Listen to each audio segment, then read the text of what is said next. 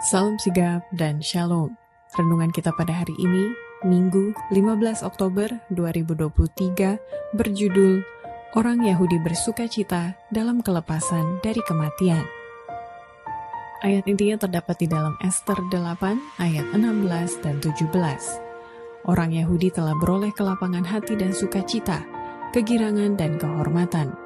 Demikian juga di tiap-tiap daerah dan tiap-tiap kota, di tempat mana pun titah dan undang-undang raja telah sampai, ada sukacita dan kegirangan di antara orang Yahudi, dan perjamuan serta hari gembira. Dan lagi banyak dari antara rakyat negeri itu masuk Yahudi, karena mereka ditimpa ketakutan kepada orang Yahudi.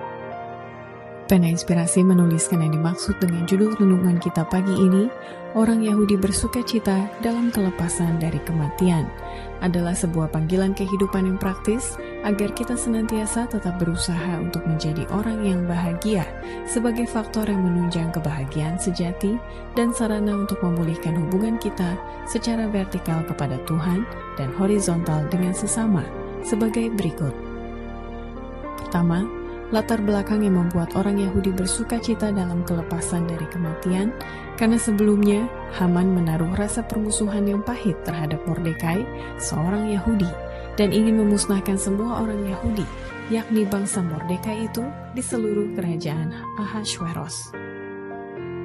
Melalui Haman orang Agak, seorang yang jahat memegang kekuasaan tinggi di media Persia, setan bekerja pada waktu ini untuk menandingi rencana-rencana Allah.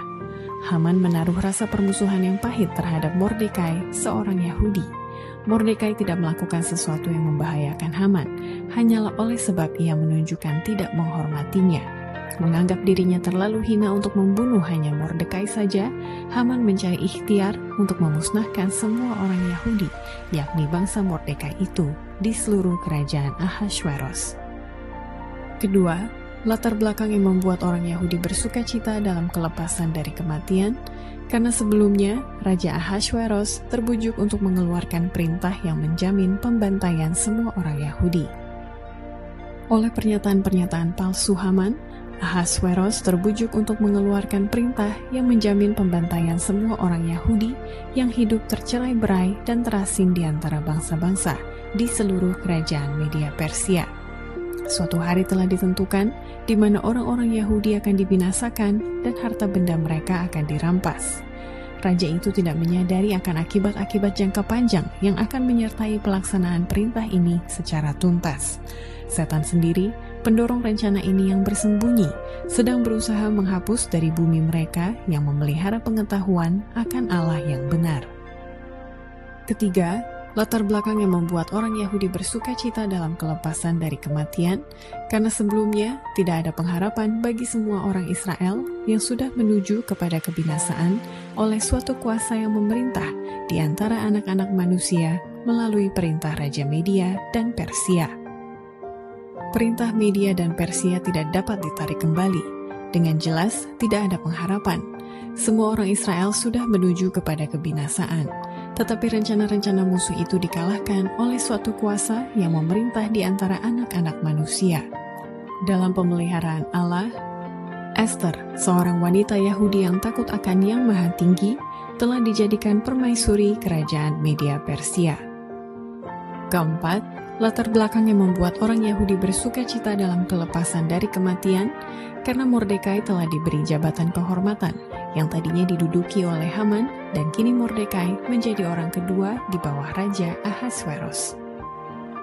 Mordekai telah diberi jabatan kehormatan yang tadinya diduduki oleh Haman. Ia menjadi orang kedua di bawah Raja Ahasveros dan ia dihormati oleh orang Yahudi serta disukai oleh banyak sanak saudaranya. Esther 10 ayat 3 dan ia berusaha meningkatkan kesejahteraan Israel. Demikianlah Allah sekali lagi menjadikan umat pilihannya mendapat perlakuan yang baik di istana media Persia yang memungkinkan pelaksanaan rencananya untuk mengembalikan mereka ke negeri mereka sendiri. Tetapi mereka tidak pulang sampai beberapa tahun kemudian, pada tahun ketujuh Raja Artasasta I, pengganti Ahasveros besar, banyaklah jumlahnya yang kembali ke Yerusalem di bawah pimpinan Ezra. Demikianlah renungan kita pada hari ini. Kiranya Tuhan memberkati kita semua.